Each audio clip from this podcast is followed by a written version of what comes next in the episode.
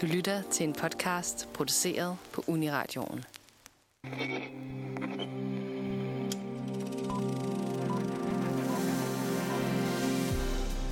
Marvels Defenders-serier herunder Daredevil, Jessica Jones, Luke Cage og Iron Fist bliver fjernet fra Netflix til fordel for Hulu og Disney+.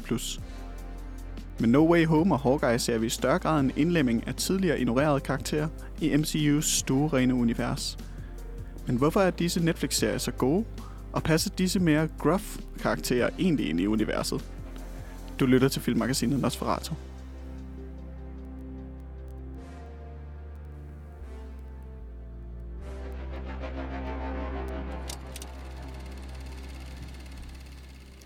Goddag og velkommen til filmmagasinet Nosferatus podcast. Med mig i studiet i dag har jeg Niels Otto Hej. og Lennon Dikov. Hej. Jeg hedder August Bybjerg. Og i dag der skal vi snakke om, hvad der tidligere var Netflix's Marvels serier, altså hvad vi refererer til som Defendersne, nævnt i introen, Luke Cage, Daredevil, Iron Fist og Jessica Jones. Vi er nemlig blevet mødt af den kedelige, kedelige nyhed, at øh, de her shows de bliver trukket tilbage fra Marvel, øh, fra, fra Netflix, og lagt ud på Disney Plus og Hulu, afhængig af, hvor man befinder sig i verden. Og det er vi mere eller mindre glade for her i studiet. Ja. Ja. Det tror jeg er målet for i dag at finde ud af, præcis hvor det er, vi ligger, øh, ligger os inde her. Det er, lidt- det er lidt splittet, ja. Og det, det er jo, fordi det er, Netflix har haft deres eget lille univers, som teknisk set har været en del af The MCU, men også har været sin egen identitet og haft sine egne temaer og alt muligt, som vi mange her i studiet, alle i studiet har været rigtig glade for. Øh, og nu kommer de så ind i The MCU, og nu bliver vi lidt mere bange for, om de så mister karakter af det, øh, eller ej. Om de rent faktisk kan leve op til, hvad, hvad Netflix så har, har leveret. Øh, Ja, øh, jeg tænkte, skulle vi starte med dig, Lennon? Hvilke af de her Marvel-serier har du set, og hvad er det, Netflix Marvel-serie kan, som Disney Plus-serierne måske ikke kan? Jamen, jeg har jo set det meste af det, bortset fra Iron Fist, basically. Øhm, min yndlings er helt klart The Punisher. Øhm, karakter eller serie? begge dele. øhm, fordi jeg elsker sådan nogle antihelte og sådan noget. Det synes jeg er mega fedt. Jeg, jeg er sådan en, der er meget fixeret på skurkene, især øh, i, i Defenders-serien er det også noget, jeg kommer til at komme ind på senere. Øh, jeg synes bare, det er fedt, når, når skurkene får lov til at være skurke, eller det vil sige, de kommer til at være onde, eller øh, at man kan, de er mere helstøbte, end jeg synes, de mange gange ikke er i MCU, øh, fordi det skal være børnevenligt. Hvilket ikke er en dårlig ting, men, øh, men i det her tilfælde synes jeg, det er en dårlig ting. Øh, hvad med dig, Niels, også? Ja, jeg er jo, øh, jeg er jo ham, som der kommer fra DC primært, og har været meget fixeret på Batman hele mit liv. Og øh, jeg tror også, det var meget Daredevil specifikt, der sådan fik mig over til at se de her tv, så jeg har hørt mange gode ting om den.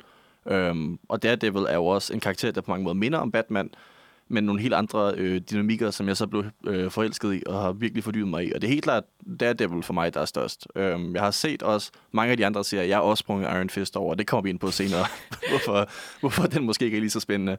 Øhm, men, men for mig har, har, har Daredevil været den røde tråd, øh, den røde djævel øh, tråd i den, Ah, ja, i, i, øh, i, den, i den univers. okay, August? men det kan være, at vi lige skal tage sådan for de uindvidede, sådan, hvordan er det sådan, fordi der er jo både en Disney Plus-serie, der er i Marvel-universet, og så er der jo også Netflix-serier, der foregår mere eller mindre i Marvel-universet. Så der er nogen, der kan give et bud på, sådan, hvordan lige det er, det hænger sammen, og sådan, hvorfor, hvorfor er det, det er, vi er her lige pludselig. Jamen altså, Netflix Marvel, det startede jo for lang tid siden, og det var egentlig ikke meningen, tror jeg, at det skulle være en del af MCU. Det var sådan et Netflix separate ting, og der har også været andre serier. Øh, der har også været Runaways på Hulu og sådan noget, som også er Marvel, som, man, e, som ikke er en del af det officielle MCU. Og Sony ejer øh, Spider-Man, så det er jo heller ikke MCU før her meget for nylig med Tom Holland. Øhm, så der er egentlig ja. sådan en, en, en, en ting nu med, at de skal, jeg tror, de skal eje mange af deres ting, at mange af deres helte, de har tilbage. De laver også en ny Fantastic Four. Så det, altså, det er en meget ny ting, at det bliver integreret mere øh, i det her større univers med, med Multiversal, som også kommer her med Multiverse of Madness. Og det er der jo så splittet meninger om, tror jeg. Måske for mit vedkommende i hvert fald. Jeg var også Øh, lige ved at afbryde lige før, ja. med, der er faktisk også Agent Carter og Agents of S.H.I.E.L.D., der, Ja. og der er også Inhumans, så der er sådan mange serier, der er blevet sendt ud. øh, til, til alle mulige andre Er der streamingplatformer. også noget, der hedder The Gifted? Eller er det mig, der husker forkert? Uh, det, det kan godt være. Så, det er også, der, og så er der også, der er også andre serier, der er sådan øh, Legion, som er baseret på X-Men, mm. men ikke er MCU eller Disney overhovedet, og det, det er meget forvirrende. Øh, og det er også det der med, at fordi Marvel Studios, som er købt af Disney, er jo i virkeligheden et sådan, separat lille studie, der laver sin egen film, teknisk set. Øhm, og de har så også Marvel Studios Television, tror jeg, som er dem, der sådan går ud til alle mulige streamingplatformer og siger, har vi lyst til at lave en serie? Øh, så det er jo så der, hvor de har forskellige relationer til. Så har Netflix købt Defenders-karaktererne, og så nogle andre købt, du ved, Agents of S.H.I.E.L.D. og alt det der. Øhm, så det er også derfor, det, det er blevet spredt ud for alle venner. Det var så før, at Disney selv besluttede sig for, at de vil have en, deres egen streamingplatform, hvor de kan centrere det hele og sige, nu, nu, nu er det alt sammen et sted. Så det er derfor, at de sådan lidt begynder at blive, blive uh, ind igen. Måske ikke uh, Agents of S.H.I.E.L.D. forløbig, men i hvert fald Defender-serierne, som har været rimelig kritisk uh, populære, kommer mm. i hvert fald på, på Disney+. Plus. Nu siger du, at Defenders her, det er rimelig kritisk populær, og Lennon udlagde, hvorfor, øh, hvorfor øh, Lennon synes, at serierne de var rigtig gode, men kan vi få en, øh, en kommentar fra dig, Niels Otto? Øh, hvorfor, hvorfor er det, du siger, de har sådan... Hvor, hvor, hvad er det, de kan, som for eksempel Loki ikke kan? Oh, Loki. Ja. Loki også var det værste eksempel. ja, men det er jo... Øhm, de har... Ja, hvad kan de? De, de har jo sådan et... de, de kan rigtig meget. Det er også det, hvis man skal give det korte svar, ikke? Men de har jo, for det første har vi snakket rigtig meget om, lige før vi begyndte her, om skurkene. De har nogle helt fantastiske skurkene løbende hele vejen igennem. De bedste skurke i Marvel-universet, øh, vil jeg uovertruffen sige. Øh, og så har de så faktisk også, altså på, på de 13 episoder, kan de opnå rigtig meget med karakterdynamikker og med forhold mellem karaktererne og med altså opbygge et plot. Altså Loke, jeg havde ikke store problemer med Loke som sådan. Jeg synes, det var en fed æstetik, og det drev meget af min, min underholdning der. Øh, men, men selve plottet, jeg synes ikke, det blev udforsket særlig meget. Jeg synes ikke, karaktererne fik lov til at udvikle deres forhold særlig dybt. Jeg synes, hvor, hvorimod, hvis man for eksempel ser på Daredevil, som jeg allerede etableret som min yndlings, hvor du har i virkeligheden tre hovedroller. Altså, du har Daredevil, som er hovedhovedrollen, men så har du så også hans to bedste venner, og deres forhold bliver udviklet altså fænomenalt. Altså man føler virkelig alt, hvad der går godt for dem og dårligt for dem. Nu øh, hiver du lige øh, fat i Daredevil, så jeg tænkte, vi kunne lige tage et øjeblik til at introducere øh, Daredevil som, som serie. Altså, hvem er ham her? Matt Murdock? Hvem er Kingpin? Hvordan øh, hænger han sammen i sit lille advokatfirma? Kan man godt være advokat og blind på samme tid? Eller er det måske sådan lidt en dum, dum idé? Jeg vil starte ud med, med Daredevil, med ham her, Matt Murdock, for han er jo også den første, som kommer ind i MCU her i No Way Home. Øh, som August sagde, han er advokat.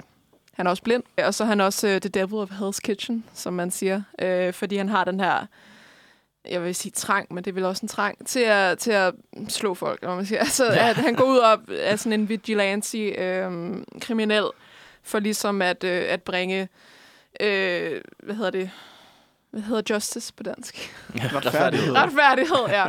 Engelsk studerende. Øhm, Retfærdighed øh, i Hell's Kitchen. Og så er der jo også hele det her, som sagt, der er jo det der med, at der er tre hovedroller, men det er ham, der er hovedfiguren, hvor han også har det her noget religiøs traume, fordi han er, han er katolik, øh, så der er også tit, hvor vi ser ham øh, skri- skrifte og, og tale med den her præst, som nærmest har opfostret ham. Ja, han er forældreløs Ja. også, ja. Øh, fordi hans far døde, da han var lille. Kort efter han blev blind, faktisk, tror jeg. Ja. Så det, det er ikke sjovt. Nej, det, det er lidt hårdt. Men ja, det var, var, var det den første Defenders-serie, der kom? Det er det vel? Det tror jeg, det var. Det var Ja. enten den eller Jessica Jones. Det var helt klart de to, sådan, i hvert fald største, jeg har hørt om. De, de kom sådan ud, og så var folk sådan, hold da kæft, der er faktisk noget helt andet her, som man ikke lige havde forventet fra Marvel, men som er noget at holde fast i. Um, så det er sådan de to, der lagde tonen an i hvert fald. Og Daredevil er jo også, altså jeg, jeg, efter No Way Home, så blev den vist også blæst op til at være den største serie på Netflix igen igen, så så mange år efter den var udkommet, fordi der er, sådan, altså, der er et eller andet ved den, som jeg tror virkelig har ramt publikummet. Um, Ja, altså, øhm, Daredevil, den var jo, den afsluttede sin øh, tredje sæson i 2018, og så står vi her fire år senere med en genvunden popularitet. Men altså, der var selvfølgelig noget flere for cameo, så det kan opvække en kvik interesse. Men nu nævnte du selv øh, seriens kvaliteter i form af Matthew Murdocks øh, kompagnoner her, som jeg måske tænkte, vi skulle knytte en øh, kommentar til ham med Foggy og Karen. Hvad, hvad, hvad er det ved, ved de tre, der gør, at man har lyst til at se 30 timers tv af en blind advokat? det er vel næsten 40, er det ikke? Det er 13 episoder per sæson. Ja. jo, det, Det. Så det, det, er jo, det, er jo, er det, det er jo 40 timers tv. Um, Jamen, altså, de er jo, det er jo egentlig Matt og Foggy, der starter ud med at være advokater, ikke? Øh, sammen. fordi de har været bedste venner i det der, hvad hedder det, advokatskole. Det er bare, det hedder Jura. Jura, ja. Jura sammen, Advokatskole, ja. Øh, og så møder de jo så Karen Page, det er fucking Elsa, han hedder. De møder Karen Page i, i starten af serien, fordi hun er vist anklaget for et eller andet. Øh, som man så får at vide senere, men det er en spoiler, så det skal vi ikke snakke om lige nu. Men de er jo så her, hvor de ligesom er hendes advokat, og så senere tager hende under deres vinge, øh, så hun bliver en sekretær for deres advokatfirma. Og altså, der er det jo meget, altså, jeg, jeg tror bare, jeg godt kan lide den i forhold til, at de ligesom, Karen og Foggy er jo netop de, de personer, som holder ham til jorden, når man siger, altså de er sådan, jeg tror, de gør ham menneskelig på en eller anden måde. Ikke at sige, at han ikke er menneskelig, men at han har det her, det her religiøse traumer, som helt klart fylder en del, samtidig med, at han har en eller anden voldstrang, han bliver nødt til at udfylde, hvor han jo øh, snak, og altså det ender jo, altså langt hen ad vejen, så snakker han nærmest om, om Daredevil, hans alter ego, som sådan en separat person fra ham nærmest. Øhm, altså det, altså han, han er, det er djævlen, og så er der ham selv, hvor han snart ikke ved, hvem Matt Murdock er heller. Øh, så det er meget sådan forholdet mellem både ham selv og hans, hans egen identitet, men også forholdet mellem ham og, og, og da, hans bedste venner, og hvordan de ligesom på en eller anden måde holder ham tilbage, eller øh, menneskeliggør ham i den her kamp, han har mod sig selv, hvilket bliver meget, meget filosofisk. Men, øh, men ja, det er jo sådan egentlig det, der er princippet for deres forhold. Og det, er jo- det er jo næsten den der helt klassiske metafor med at have en, i det her tilfælde en meget bogstavelig djævel på den ene skulder, og så en engel på mm. den anden, hvor at hans venner øh, simpelthen trækker ham over til den gode side, og, og djævlen trækker ham over til den onde, ja. Og han er simpelthen han er så traumatiseret, så altså, han går ud, og han er som du siger, er afhængig af vold stort set, men også afhængig af sex, og han er afhængig af sådan, altså generelt bare af, at, at lave ballade og, og, og sådan negative forhold. Altså, det er jo nærmest en metafor for at være alkoholiker i virkeligheden. Altså, han er sådan selvdestruktiv. Mm. Samtidig med, at han så har de her venner, der tydeligt elsker ham og gerne vil gøre ham det bedste øh, og trækker ham i den anden ende. Det er jo også der, hvor det er sådan sjovt, sjovt vil jeg vil sige, men det er jo der med det der med, at han er advokat, fordi Foggy, som også er advokat, han er jo meget altså, rationel og meget logisk, hvor han jo til tider, selvom han er advokat, så vil han nok hellere løse problemerne ved at gå ud og slå en eller anden i hovedet. Ikke? Øh, så der er også meget de, de to, hvordan de ligesom er modsætninger, øh, som også kommer frem, jo længere vi kommer i serien. Øh, hvor Karen, hun måske er mere tilbøjelig til Mats metoder. Det skifter sådan lidt. Ja, det var også, og det er det er en ting, hvor øh, efter jeg så det, det så gik jeg ud og læste en masse tegneserier. Og den dynamik, som de har i tv-serien, jeg er i hvert fald ikke opstøden i tegneserien endnu. Øhm, fordi i, i tegneserien, så dukker det det op det her med, at der er sådan en kærligheds øh, love triangle imellem dem. Okay. Hvor at både Foggy og Matt, de er forelsket i Karen. Øh, og så Karen er selvfølgelig forelsket i Matt, fordi han er mest Og så, du ved, så bliver Foggy, han bliver super jaloux, og så bliver deres venskab bliver sådan lidt manipuleret til ikke rigtig at være så fedt. Og det er jo bare overhovedet ikke interessant i virkeligheden. Altså, det, Nej. man har set det tusind gange før. Og det er her, hvor altså, Karen, som jo er deres sekretær i virkeligheden, i, i går forstand, hun får sin egen motivation, hun får sin egen plot i virkeligheden. Hun går ud og gør ting. Altså, hun er ikke bare sådan den, den kønne pige, som de kan slås om, men sin egen karakter, der bliver uddybet. Mm. Og de gør det faktisk også rigtig godt med, at Foggy selv bliver en, en dygtig, i virkeligheden en dygtigere advokat end hovedrollen, ikke? Altså, Det tror jeg godt, vi kan alle sammen sige. og det, det er ofte så det der med, fordi han er sådan, du ved, den er den lidt tyk og sjov ven, så man kunne godt, han var sådan lidt sidekicken, men han får også sin egen karakter, han får sit eget plot, og han kan udfolde sig og, og er dygtig, og det er ikke kun baseret på, hvor jaloux han er over, hvor dygtig Matt er, mm. øh, i modsat til mange af tegneserierne. Så det, det synes jeg personligt også er, er rigtig godt. Vil jeg sige, der er noget nuance i øh, Karen Pages karakter, som du nævner, øh, Lennon.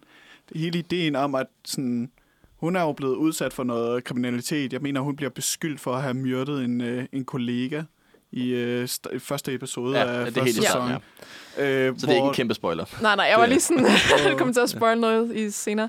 Øhm, nej, men altså, det er jo, jeg tror, det er meget det her med, at hun er den der sådan, jeg, hvis, hun er vel en blondine, tror jeg. Hun er den der kønne blonde pige, og hun så øh, sidder i en virkelig desperat situation, hvor de her to øh, fremmede mænd, som hun aldrig har set før, de kommer ind og bare sådan, vi er dine advokater nu. Og sådan, okay, hvor længe, hvor længe har jeg været advokater? Sådan syv timer måske. øhm, så det er sådan hele basisen for deres, for deres, øh, deres ja, venskab, som så senere bliver mere et venskab. Øh, men jo, jeg, kan, jeg, jeg, tror, jeg, jeg tror, Karen Page er virkelig en øh, interessant figur, fordi hun jo ligesom er, bliver vist som den der kønne pige der i starten, og hun er jo ligesom i en desperat situation, som hun skal ud af. Men hun får jo altså, helt klart sin egen agenda, hvor jeg tror, der er mange, der måske bare vil skrive hende af som love interest, som der måske er i tegneserierne på sin vis. Øhm, men altså, hun har jo også sin, sine egne mål, og hun har også selv øh, vil sige beef. Hun har selv øh, nogle motivationer og, no, og noget, noget historie med, med skurken, som faktisk ikke nødvendigvis afhænger af, af Daredevil. Øh, så det synes jeg er også interessant, hvordan hans venner også bliver viklet ind i hans ting, uden at han måske er skylden i det, hvis det giver mening. Jamen, det, det var en ekstra interessant uh, dimension, jeg blev mærke i, nemlig at uh, Karen Page uh, er jo i, i problemer, kan man sige. Først er med på ideen, okay, men der er bare ham her, Devil of Hell's Kitchen, der går ud og smadrer kriminelle. Det er jeg fan af. men så senere hen, hun er sådan lidt, uh, okay, men, uh, hvis det her det er en af mine venner, der tager ud og smadrer, smadrer folk, er jeg så helt vild med ideen stadigvæk. Mm. Altså sådan, det synes jeg bare gav det, altså det der med, at hun kan skifte imellem det det synes jeg også var meget, meget interessant for hendes karakter. Ja, det er meget nuanceret, ja. Det er ikke bare sådan, du, de har det ene forhold, hvor det er, du ved, igen, kæresten, der skal være, åh, oh, men kan du ikke bare blive hjemme og være sikker, eller du ved, som så kan blive taget til offer, eller gissel hedder det. Øhm, ja, der, der, der er mere nuancer i det. Øh, det er super fedt.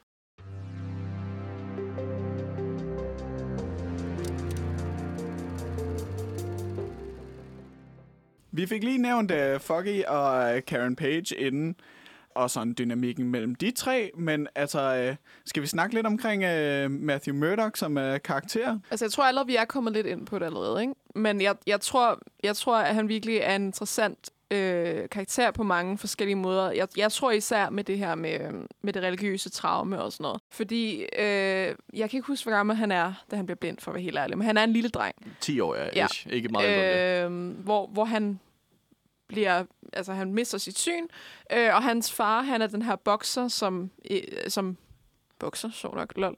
Øh, han, er, han er en bokser, som, som ligesom har det her arbejde, der også involverer vold. Wow, der er foreshadowing. Øh, hvor, og så er det jo så, at øh, han ender med at det her er ikke en spoiler, for det sker i sæson 1. Han ender med at miste sin far, fordi faren han ligesom tager en kamp, hvor han så ender med at blive dræbt, så vidt jeg forstod. Ikke? Jeg, jeg tror også, det er noget med, at, at Øh, det er, at faren han er sådan lidt... Han er blevet gammel, han er ikke lige så god en bokser længere, mm. og så, så bliver han sat op i en kamp, hvor han sådan har, har klaret sig godt, og så får han at vide, at det er en fixer, der har sagt, du skal klare dig godt, for så kan jeg tjene penge på det, og så næste gang, så skal du tabe. Og så ser han så faren der, øh, den blinde Matt Murdock, se kampen og bliver sådan helt, jeg kan ikke tabe foran min søn, øh, som godt nok ikke kan se, men han kan høre. Øh, og så vinder han kampen alligevel ved at du ved, være god, og så bliver han så dræbt, fordi han mistede ja. nogle mafia-boss, nogle, nogle penge, ikke? Præcis. Så det var også lidt, der kommer også lidt nærmest igen den her klassiske Batman, hvor det er sådan antikriminalitet, noget traume fra, at der var noget, ja, noget mafia, noget kriminalitet, der sådan tog hans forældre væk fra ham, eller i hvert fald hans far. Mm. Øhm.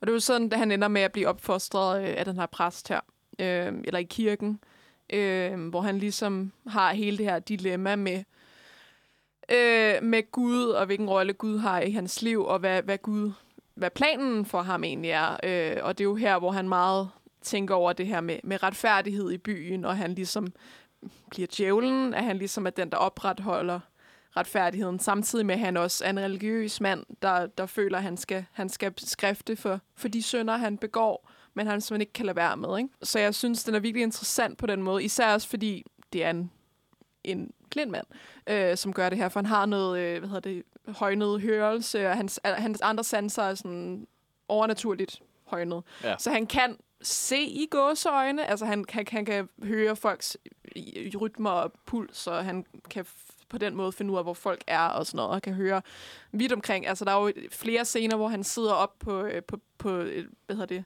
på et tag af en bygning, og så bare sidder og lytter til hele byen og hører, om der er nogen, der har brug for hans hjælp. Ikke? Øh, så han er faktisk mere, mere flagermus end Batman. Ja, det er rigtigt nok. Ja. De kunne godt have byttet navn, ja. Fordi det, det har jeg nogle gange tænkt over, fordi det er, jo, det er jo Bruce Wayne, som er lidt en Daredevil. Det er ham, der er sådan en milliardær, der går ud og hopper på tag, fordi han keder sig. Samtidig med, at det er Daredevil, der er blind. Så det er rigtigt nok, de burde i virkeligheden skifte navn her. Mm. De vil have godt af hinanden selskab. de vil enten blive rigtig gode venner, eller rigtig gode uvenner. Det, det, jeg tror hurtigt, de vil komme op og slås også. Det er en fanfiction, den er derude et andet sted. Ja, ja, det, det findes. Ja. Det lover jeg. De har begge to ører, eller det ene har horn, men... Uh, de har begge to ører. Ja. ja. På deres dragt, på deres mm. masker. Men det er faktisk rigtigt. Men øh, når vi nu er ved, øh, ved øh, ham, øh, ham flagermusemanden der, tror jeg, tror jeg, det er sådan et tilfælde, lidt ligesom vi så i... Øh, når lige så snart Dr. Strange og Iron Man de mødes, så er det sådan, deres personligheder er så lige hinanden, at de faktisk ikke kan lide hinanden. Altså sådan, fordi de begge to er sådan nogle egocentriske, har jeg bedre end dig typer. Ja, deres personligheder, de clasher en lille smule der. De er begge to lidt nogle Sherlock Holmes-typer også. Haha. Ah, Uh, no shit, Sherlock. Øh, shit, Sherlock. Altså, ja, det, jeg ved ikke helt, for jeg, jeg føler bare måske, at Batman og Daredevil, Daredevil eller i hvert fald øh, Bruce Wayne og Matt Murdock, er så anderledes på en eller anden måde, men det er sådan, jeg er svært ved at definere, hvad der egentlig gør dem så forskellige figurer. Øh, fordi de har jo i virkeligheden mange ligheder i forhold til i hvert fald traumerne der med forældrene. Øh, og så ligesom den her, det her hemmelige liv, som de har ved siden af.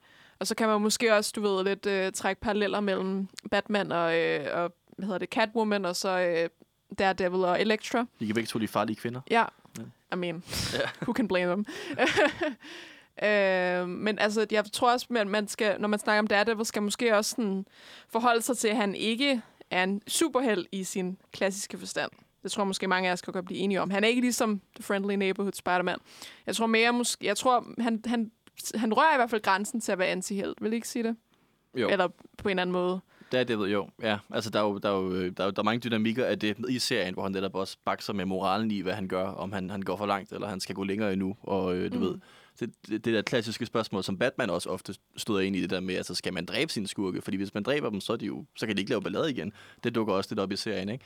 Øhm, og jeg, jeg, for mig er det også, altså nu kommer jeg jo som den, den kæmpe store Batman-fan, og en af, de to, en af de ting, jeg sådan fundamentalt godt kan lide ved Batman, er, at han kan tages om igen, og at hver gang man laver ham, så laver man et nyt forsøg. Og i virkeligheden så ser jeg nærmest Daredevil, det, sådan er det ikke historisk set, men jeg ser Daredevil-serien som et andet forsøg på Batman. Lidt, du ved, ligesom at der er for stor forskel på Michael Keaton som Batman, og Ben Affleck som Batman, og Christian Bale som Batman, så er Matt Murdock også mange af de samme dynamikker, men fra en anden vinkel. Det er, sådan, det, det er en lignende karakter. Um, så det er også derfor, det er måske lidt svært at sammenligne Batman med Daredevil, fordi hvad for en Batman snakker vi om? Han Mm. minder ikke særlig meget om Ben Affleck. Uh, man kunne måske godt sammenligne ham lidt med Christian Bale. Øh, og, og særligt, nu nævnte jeg tegneserierne før. Øh, to af de helt store navne inden for tegneserier har været Frank, øh, uh, Daredevil-tegneserien har været Frank Miller, som har skrevet hans nye origin story, som tv-serien er meget baseret på. Han skrev også øh, Batman øh, Year One, som Batmans nye origin story er meget baseret på. Øh, og så har du Jeff Loeb, som har skrevet øh, Daredevil Yellow, som også er sådan en ret ikonisk øh, Daredevil-tegneserie. Han har også skrevet Batman Long Halloween, som er en meget ikonisk tegneserie. Så mange af de her navne fra Daredevil og Batman i tegneserieverdenen går over.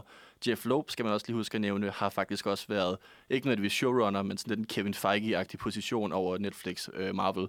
Og han er også producer på Daredevil her, så det er faktisk en, en, en ikke et tilfælde, at, at de her, mange af de tematikker i tv-serien minder om dem, der også var i Batman, uh, Daredevil Yellow.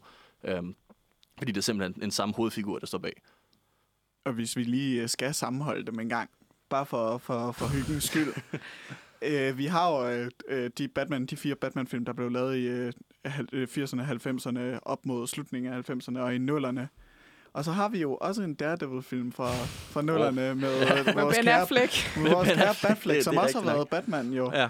Øh, og Colin Farrell med et kæmpe bullseye i panden, Ja. og øh, Som nu skal være pingvinen. Som nu skal være pingvinen. Wow. Altså, oh, der er faktisk flere forbindelser, end jeg lige, jeg lige havde troet.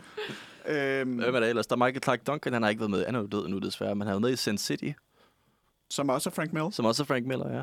Så det tegneserieverdenen er jo en stor... Øh, incestuøs lille industri. Jeg tænker godt, vi kan sige, at den Batman-film med, eller den, uh, sorry, den Daredevil-film med Ben Affleck, det er lidt mere sådan Joe Schumachers uh, Batman og Robin, end det er Netflix's uh, Daredevil. Det er, øh, ja...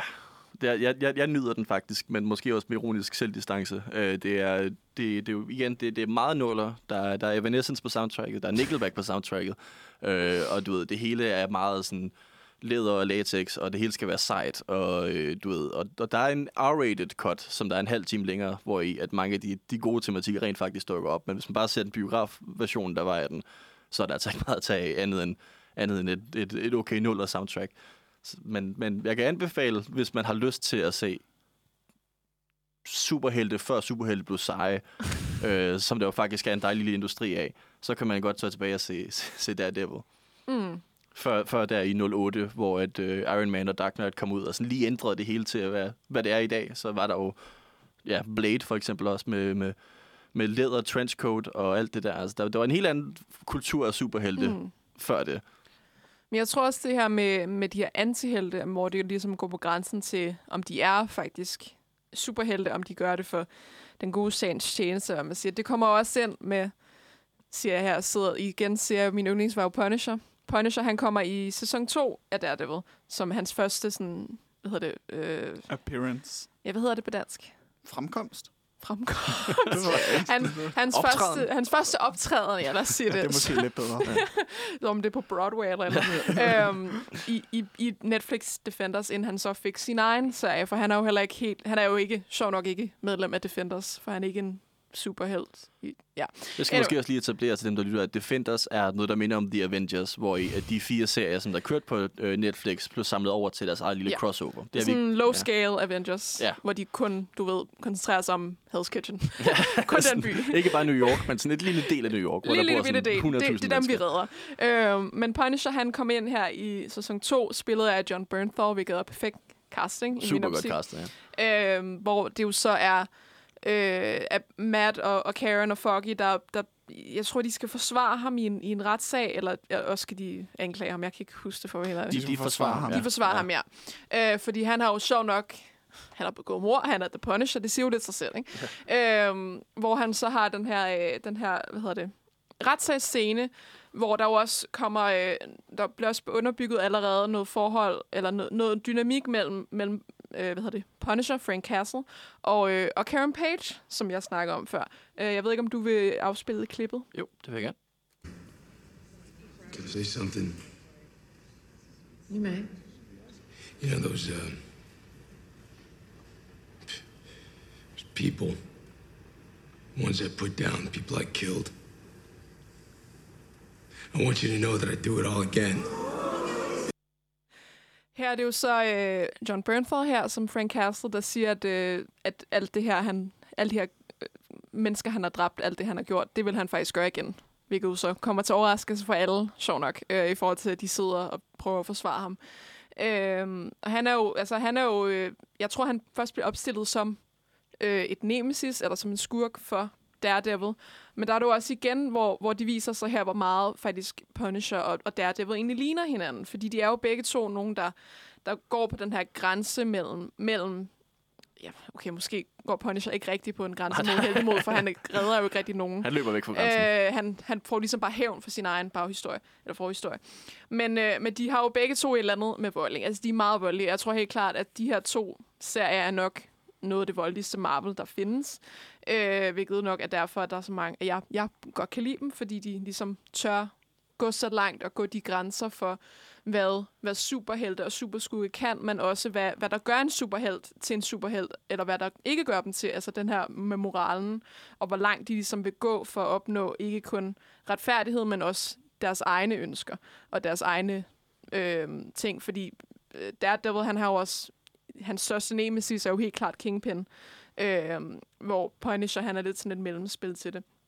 Men jeg tror også, øh, fordi så efter fik Punisher så sin egen serie, hvor Karen Page, hun også har nogle optrædener både i sæson 1 og sæson 2. Øhm, og det find, finder jeg jo rigtig interessant, at, at Karen Page, hun ligesom begynder at svinge over på hans hold, eller hvad man siger. Altså hun, bliver, hun er ikke blot en, en kvinde, der tager der er meget, altså hun er, hun, det er jo tydeligvis, hun har noget traume, som hun gemmer, og hun bliver meget, altså hun gemmer sig virkelig bag en hård mur. På grund af den historie har, er hun måske mere tilbøjelig til at, at sympatisere med, med folk som Frank Castle, end, Daredevil har, fordi han har hele det her øh, Gud, der ser over ham inde i hans hoved på en eller anden måde, hvis det giver mening. Øh, Det synes jeg, det gør. ja. Og jeg synes også, det er rigtig godt, den måde Netflix de har valgt at bruge Punisher-karakteren på. Især hans øh, moralske øh, sådan opspil mod Daredevil og Karen Page for den skyld. Øh, for hvis du spørger mig, så er Punisher, som han har portrætteret i de gamle film og i tegneserierne, lidt en kedelig personlighed. Mm. Altså sådan, det er en sur mand, der slår ihjel. øh, der, der, der, er sgu ikke så meget, øh, der er sgu ikke meget der. Jeg var meget glad for ham, da jeg var yngre og læste en del af Garth Ennis udgaverne af tegneserierne, men det var også kun fordi, jeg var en lille teenage edgelord på det tidspunkt. Han, altså, han har jo ikke noget at byde på andet end, andet end vold. Mm. Så, så derfor synes jeg, det er rigtig godt, at vi er nået til en portrættering af ham, der sådan, er sådan lidt, okay, altså, hvad, hvad er de eksterne motivationer? Fordi at sådan, hvad, hvad, hvad, hvad er det egentlig, han har gang i? Fordi det der med at bare gå rundt og slå ihjel, det kan vi maks få sådan et halvt kapitel til at gå med. så, så begynder publikum at blive en lille smule træt af det. Vi kunne få tre film ud af det. Vi kunne få tre Der, der er film tre af det. forskellige Punisher-film. Uh, jeg har ikke set nogen af dem, men de skulle ikke være særlig gode. Du har du snakket om en af dem før, kan jeg huske. Men uh, Ja, altså, der er den med Dolph Lundgren fra 80'erne. Så er der en med Thomas Jane fra 0'erne, som... Øh, den har jeg ikke hørt frygtelig godt om, men jeg ved, at øh, Thomas Jane, han var med i det øh, computerspil baseret på filmen, Oh, ja. der hedder The Puni- øh, også bare der hedder The Punisher, som skulle være dybt respekteret inden for Punisher lore, fordi det er også bare mega voldeligt til fordel eller til forskel for filmen. Jeg synes også, egentlig også, han er et meget godt valg til den rolle. Men, øh, jeg har nu ikke set filmen, men han virker som typen, der godt kunne spille en, en rå Frank Castle. Ja, og så øh, der vil jeg så op der med øh, Ray Stevens fra Punisher Warzone fra 2008, som mange også bare mener er den, den, den bedste udlægning af Punisher-karakteren, indtil selvfølgelig John Bernthal kom og sådan Mm. gjorde alle øh, hvad hedder det, fortidige og fremtidige releva- øh, altså sådan udlægninger af karakteren irrelevante. Fordi at han er bare, Han, er, bare The Punisher. han er bare The Punisher. Og så råber der, Russo! Totalt bare i karakter. Der har hun så også, han har så sit eget nemesis i serien. Uh, Billy Russo, spillet af Ben Barnes, som jo også er en, en smuk mand. Prins Caspian. Prins Caspian. han, er, han er kommet langt siden Prins Ja. Caspian, det må man sige. Han spiller også spiller faktisk mere, flere skurke, end han gør helte, men det er sådan en anden snak. Øh, men jo, jeg tror måske egentlig bare det her, at, at hvad der måske karakteriserer øh, Netflix, altså Netflix MCU så meget, er, er de her superhelte, som ikke egentlig er superhelte. Altså, jeg ved heller ikke, om, om I vil se Jessica Jones som en superhelt. Vil I det? Nej, det vil hun heller ikke selv. Det Nej. snakker hun jo meget om. Jamen, det er det. Hun har Også sådan- superkræfter, og hun prøver generelt at arbejde lidt for det gode, Mm. men det er ikke nødvendigvis moralen, der trykker. Det er mere bare sådan For hun er jo decideret alkoholiker samtidig, ikke? Ja, Øh, og det var også, hun har jo også været superhelt, og så gik hun tilbage for det. Og jeg ved heller ikke, altså det er jo, det er jo det er meget det her også med, med Luke Cage, at han også, han, Luke Cage er en sort mand, der, øh, der hedder, hvad hedder det, han er bulletproof, øhm, så han er også en af Defenders øh, der. Så jeg tror meget, det er sådan, altså det er jo meget, de her, også Iron Fist, for den sags skyld, som jeg ikke selv har set Iron Fist, er, er de her fire, fire personer i hvert fald, som de har i hvert fald en masse traume, og de Ja. har i hvert fald en masse, masse grunde til at være sure på verden, og hvor- hvordan de ligesom bruger, jeg ved, måske ikke for alle sammen deres hævnløs, men deres, deres, øh, deres, måske deres mere, øh, deres mere hang til vold end til alt andet, og hvordan de ligesom bruger dem i en, i en sammenhæng, der, der også ender med at, at skulle være, hvor de ligesom går op i noget, mod virkeligheden noget under, end, end de alle sammen kender. Altså en større magt, end, end hvad der allerede er, har, ind, har, hvad hedder det, har indflydelse på deres liv, og hvordan de ligesom forholder sig til det. Så det er også efter, øh, især, især med Daredevil sæson 3 og Jessica Jones sæson 3, for de foregår efter øh, det her, den her lille Defenders miniserie, hvor de alle sammen bliver samlet. Øh, Avengers Assemble style. ja. øh, hvilket som ikke, måske var så vellykket som, som Daredevil for eksempel, i min optik. Nej, og har vi, vi har jo nævnt øh, Iron Fist et par gange, mm. som en serie, vi ikke gider at se. øhm, og det er måske også, altså det, det er lidt svært at sige, hvorfor man ikke gider at se den, når man ikke har set den. Ja. Øh, men det kunne måske også lige knytte et par ord til, at den, den virker bare overhovedet ikke super spændende. Altså, den har en, en hovedrolle, øh, men, men skuespiller, som der sådan ikke rigtig har den største karakteristik, altså karisma kan man jo sige, fordi den også dukker op i Defenders.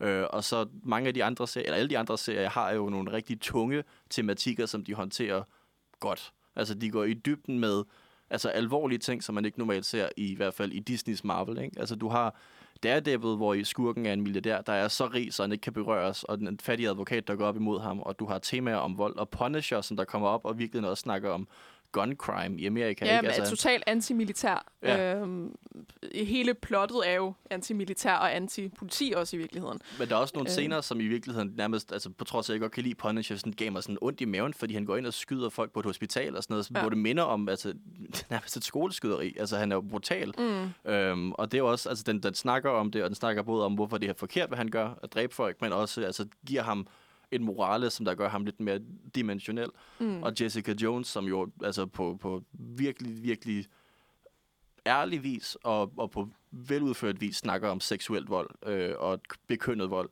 Og det, altså, det, er en, det er på en måde, hvor man sådan knap nok kan forestille sig, at Jessica Jones er introduceret til, til altså, den næste Avengers-film, og han sådan skal snakke med Ant-Man, fordi at det simpelthen er så brutalt mm. ærligt i den serie, hvad den snakker om. Og så igen, nu nævnte du Luke Cage, som er bulletproof, og han kan tåle at blive skudt. Og den serie kom jo ud lige midt i, at Black Lives Matter var den største, det har været, føler jeg. Og det er jo heller ikke et tilfælde, den snakker også om de tematikker, hvor jeg ikke rigtig føler, at i hvert fald på overfladen, at der er særlig meget i Iron Fist andet, end at det er en, en hvid mand, der tager til et mystisk asi- asiatisk land, og så lærer han at blive den bedste til at kæmpe Ja. kung fu. Og Altså, jeg tror meget, det problemet med, med Iron Fist er, at, at hvad jeg ved af tegneserierne, er det jo 100% baseret på noget altså, asiatisk fetishisme, øh, at det er den her hvide mand, som kommer ned, og uh, så har han Iron Fist, og han er bedre end alle de, alle de asiatiske øh, krigere, der har kæmpet før ham og sådan noget. Øh, og så er det også bare hele det her, som du siger med... Øh, at der, der var en fattig advokat. At Jessica Jones har heller ikke for mange dollars til sin navn, skulle jeg mene. Det samme med Luke Cage. Han kommer jo hjem efter at have fået de her eksperimenter på ham, hvor han så er blevet bulletproof. Øh, hvor, hvor der så kommer Danny, Danny Rand, det vil sige der, øh, Iron Fist, i den her serie. Han er sådan, Nå, jeg er millionær, jeg har mit eget hotel. Og sådan, ja, ja, det er fedt. Ja. sådan, det, jeg kan faktisk ikke relatere til jer overhovedet. Øh, så det er sådan lidt en, en, et clash, ikke, på en eller anden måde. Øh, hvor det bare virker, altså det virker bare mærkeligt. Og jeg ved ikke, om, om det giver mere mening i tegneserierne, men det ja. Føler jeg bare ikke, det gør. Så meget har jeg ikke læst. Nej, Nej. Jeg, jeg har kun læst Daredevil, så det kan Ja. jeg ikke snakke om. Jeg ved, der, der var en sammenligning, der blev lavet lige så snart Iron Fist den, øh, den udkom, at man har universet af Marvels Netflix-serie, hvor man siger, okay, men det er sådan lidt det dystre, det mørke HBO-faktisk-agtige øh, univers, Mm.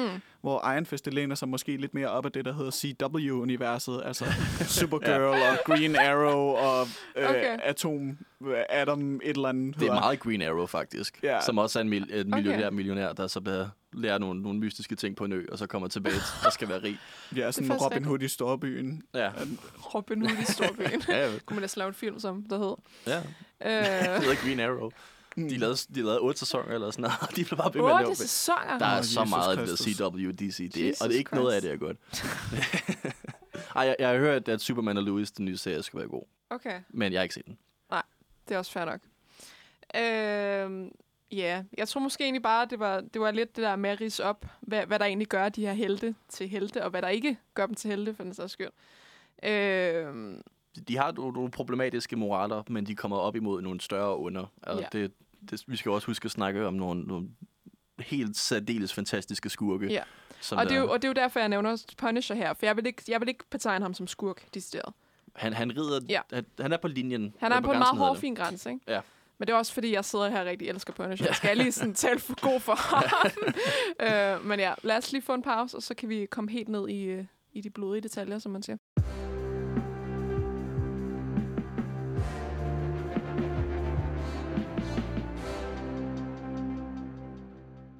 Og inden musikpausen, der fik uh, Lennon lige erklæret sin store kærlighed til Punisher-karakteren. Ja. Så jeg synes, uh, vil du ikke uddybe dine tanker omkring uh, held, skurk, midt imellem, fra tid til anden? Jamen, jeg synes egentlig rigtig, allerede vi kom ind på det der med antiheltene øh, i forhold til Punisher. For jeg ser jo ikke Punisher som en skurk, øh, selvom han måske egentlig bliver så lidt op som det i sæson 2 af Daredevil, hvor du så hurtigt kommer til at blive noget af det der med, hvor meget Punisher og Daredevil egentlig ligner hinanden, og så videre, og så videre. Og så, så jeg tænker, som vi nævnte før, så måske gå helt over i, i der, hvor ligesom grænsen ikke er så sløret mere, når det faktisk er decideret skurke. Øh, for det er jo noget, som jeg tror, vi alle sammen har nævnt, at det er noget, som, som Netflix, øh, Marvel Netflix Defenders gør virkelig godt øh, med skurke. Øh, jeg tror, mange allerede kender Kingpin fra, fra Spider-Man, øh, men Kingpin, han er jo øh, den, den, nok den største skurk i, i Daredevil-serien hele vejen igennem, tænker jeg. Selvom der kommer lige det der med Punisher og Elektra og sådan noget, men det, han er the main man. Øh, jeg ved ikke, om der er en af jer, der forklarer, hvem, hvem Kingpin er, sådan i korte ord. Jo, uh, The Kingpin, han er jo en, en skurk, der i virkeligheden, som du også nævner, stammer fra Spider-Man. Uh, og det her med Spider-Man, som er en, en, en gadesuperhelt, som er lidt fattig, så kommer han op imod den her milliardær, som har rigtig meget magt. Uh, og så tror jeg faktisk også, det var Frank Miller, nævnt før, som der så øh, altså, skynder sig at få etableret ham over til Daredevil og forlade med de dynamikker, fordi man også, altså Daredevil er jo en advokat, så han skal også komme imod nogen, som man rent faktisk skal bruge sin jurauddannelse på. Ikke? så det er sådan lidt også den dynamik, hvor i, at, at jeg tror i dag, så er der mange, der tænker på Kingpin som en, en, en Daredevil-skurk. Ja. Øhm, og han er simpelthen, altså han er jo, en af de sjove ting ved ham er jo også, altså han er jo super rig, så det er, er det første, han magt der, men han er også super klog, og han er også kæmpestor. Han er et brød.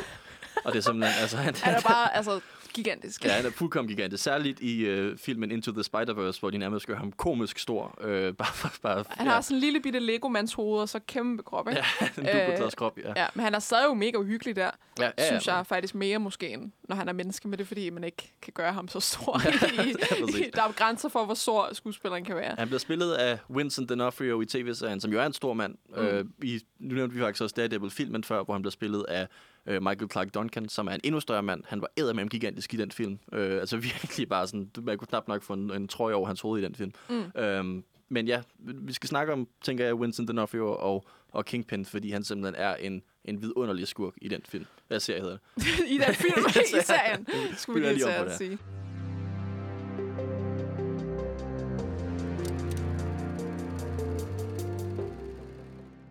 Jamen, ja, det var jo det her med, med hvad hedder det, fattig versus rig, kan man jo allerede godt sige, er en meget, en meget basic dynamik, men det er jo en, de har, øh, hvor øh, Kingpin her, ligesom, han er også sådan crime lord, og han ligesom har de her øh, forbindelser i hele byen, også med politiet og sådan noget. Så han i virkeligheden kontrollerer rigtig mange ting, øh, som jo er en meget stor opgave for sådan en, en lille advokat, som så har et helt andet liv, men det ved Kingpin jo ikke. Øhm, men Kingpin er jo også altså, karakteriseret, at han, han, han laver altid sådan mad, mens han lytter til klassisk musik, og sådan skal arrangere det rigtig fint, og han har malerier sådan hele sin lejlighed, og alle de her jakkesæt. Og der er især et maleri, som er vigtigt, for det er sådan et helt, jeg tror, jeg, jeg tror bare, det er helt hvidt maleri, ja. er det ikke? Jeg tror, der er sådan enkelte streger i grå eller Ja. et eller andet, men det er sådan, det er hvidt. Helt det hvidt. Øh, moderne kunst. Og det er, det er et kunstværk, der betyder meget på ham, fordi at det var hans kæreste, Vanessa, der gav det til ham. Fordi vi, de fleste, der har set Daredevil, kender det der med, at han, han hele tiden snakker om Vanessa.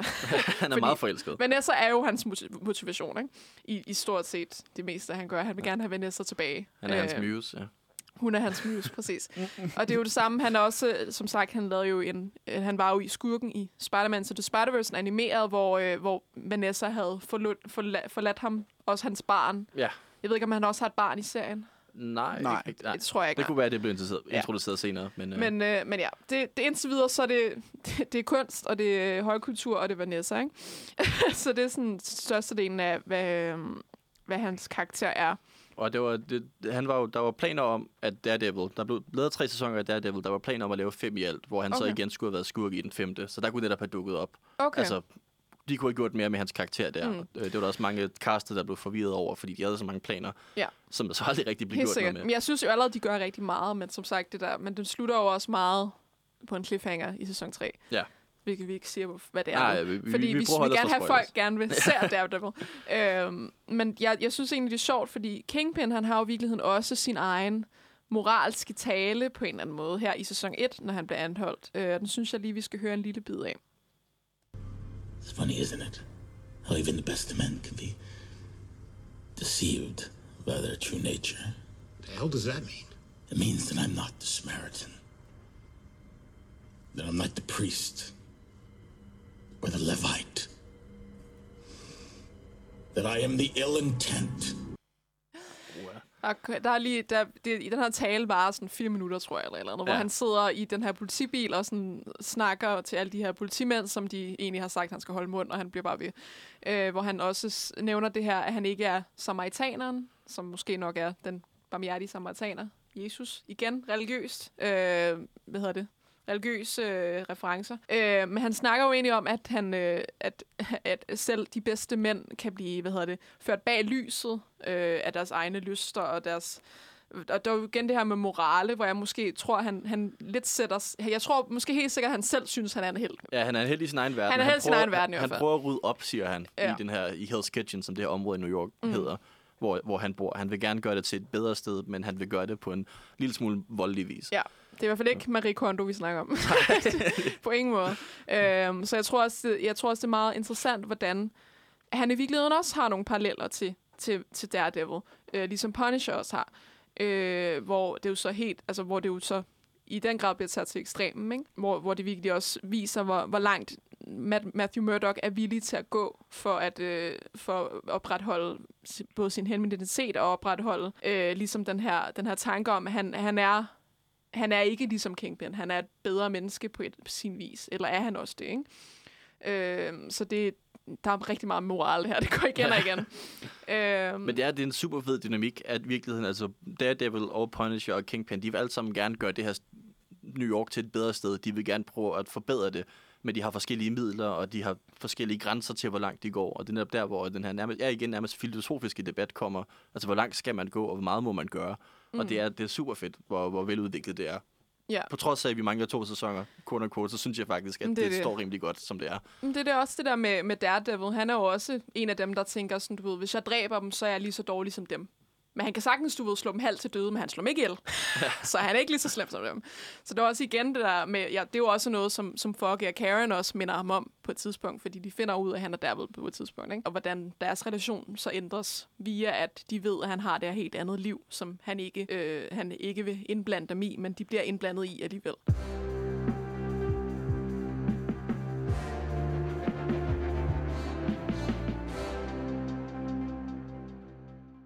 Jeg vil lige uh, fremhæve David Tennant i uh, Jessica Jones. Han nemlig. er, han er Ja. så god. Fuldkommen modbydelig, og virkelig også bare mm. karismatisk. Det er... Du øh, nævnte selv øh, det her med øh, adressering af sådan bekønnet forhold og sådan skurke i, øh, i, øh, ja, i Jessica Jones. Og øh, der synes jeg, at de laver sådan en rigtig interessant dynamik, nemlig mellem øh, Kilgrave og Jessica Jones. De har et forhold, eller har haft et forhold, inden serien går i gang. Og øh, det får man ligesom ledetråd til igennem hele første sæson, for hvad er det præcis, der er sket, og sådan, hvorfor er det, det er faldet fra hinanden. Og i takt med, at man, man ligesom ser ham her, den flotte mand i det lille jakkesæt, så tænker man bare, ej, hvor mere modbydelig kan han egentlig blive.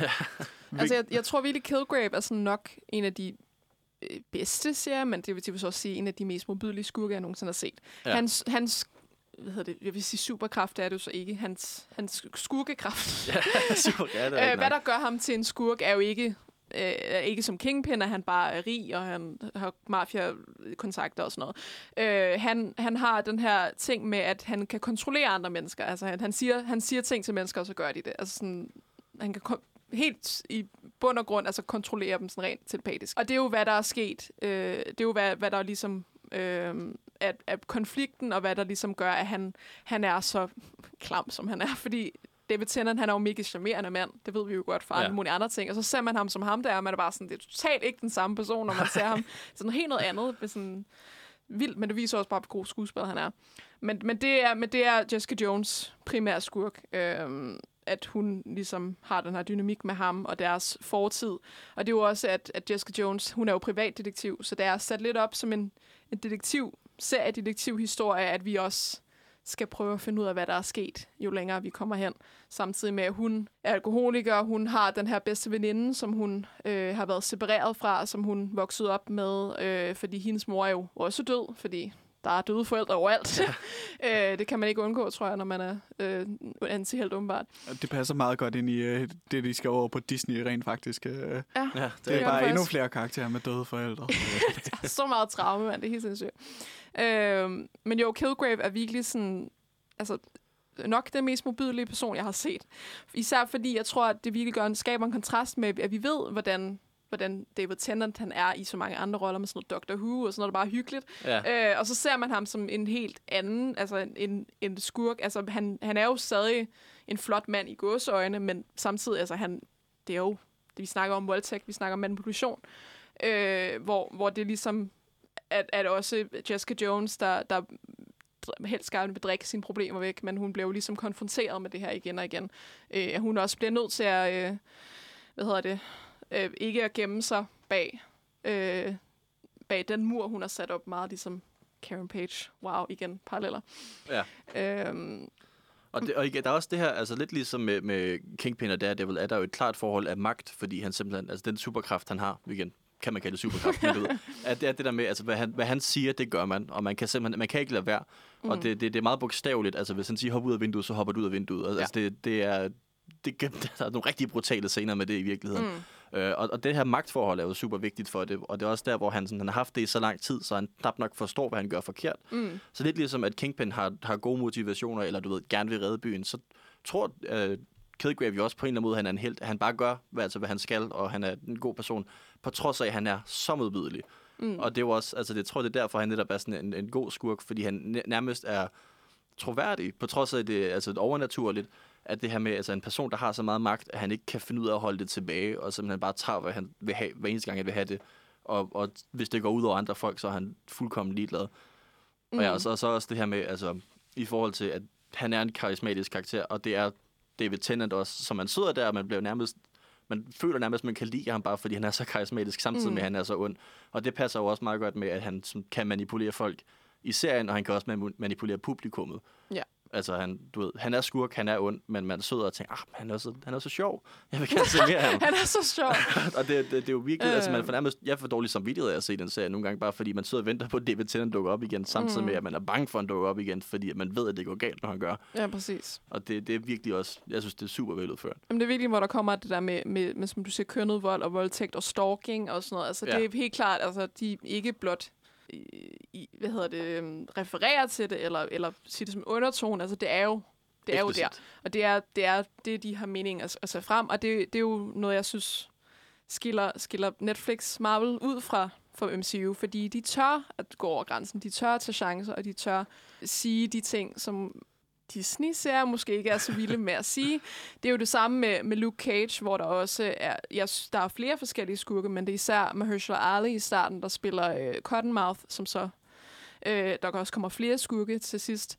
Øh, hvor der jo er det her hele tiden med det her øh, med, med raceforhold i USA, og hvor at, øh, at Luke Cage, øh, der er det her, den her scene med hans øh, hoodie der, der er helt sådan skudt i stykker, fordi han har så mange huller i, men han er ikke ramt, for han har, altså hans, skin, hans hud kan man ikke komme ind. Og det er jo direkte altså sådan totalt visuelt et billede af, af, af en ung dreng, der, der er blevet skudt ned øh, i USA. Øh, en sort ung mand, bare for at være sort. Ja. Øhm, så det, den, og det, jeg tror også så helt klart også, som du siger, at den, den kom jo, jeg, jeg tror, at den strategisk er kommet på, på det rigtige tidspunkt, eller hvad man siger, at den kom på et, øh, et, et, et kritisk tidspunkt, øh, hvor man havde brug for en superhelt, der, øh, der, der hvad hedder det, der kæmpede mod det her. Ja. Øhm, og det, ja, det, det synes jeg bare jo igen, de tør, øh, hvad hedder det, udforske, og de tør at sige eksplicit i modsætning til, hvis de bare skulle være sådan, åh ja, nu er vi løst racisme, ikke? Og det har vi bare Ja. overhovedet ikke. Øhm, Bare Så ja. lige for en, en lille... Altså, det er jo ikke nok til, til at redde hele ideen om Ja. det, men et lille forsvar MCU, så er det noget, de lige rører ved med fingerspidserne i Black Panther og Det er det, hele uh, Killmonger. Ja. Men altså, når man tænker på, at de her uh, Jessica Jones og Luke Cage, de har altså beskæftiget sig med de her problemer over, ja, hvad er det, tre sæsoner af Jessica Jones og to sæsoner af Luke Cage, og så har man en skurk, der lige siger to replikker i sådan, hvad Ja. er det, 27 film, Marvel-film efterhånden. Ja. mm, Så er han sådan, åh, jeg er ret bange for, hvordan her, det her det ligesom kommer til at blive implementeret, fordi at Ja. Det, Det jeg bliver tror også, der, 100p der, jeg tror også, der er sådan godt. et fundamentalt problem med mange af Marvel-skurkene. ikke- øh, Marvel MCU-skurkene. Igen kommer du til at snakke om skurkene hele tiden, men jeg tror sådan, at MCU-skurke, at de... Det er jo meget det der med, som vi sagde, at de havde, nogle af dem havde nogle af de rigtige idéer, men de gik ikke for langt med det og sådan noget. Så det er sådan, hvordan, hvordan helten egentlig implementerer nogle af de idéer, som de har bagefter. Ja, Øh, helten er ofte sådan en repræsentant for institutionen, altså for det Ja. naturlige og det amerikanske, ikke naturlige, men du ved det.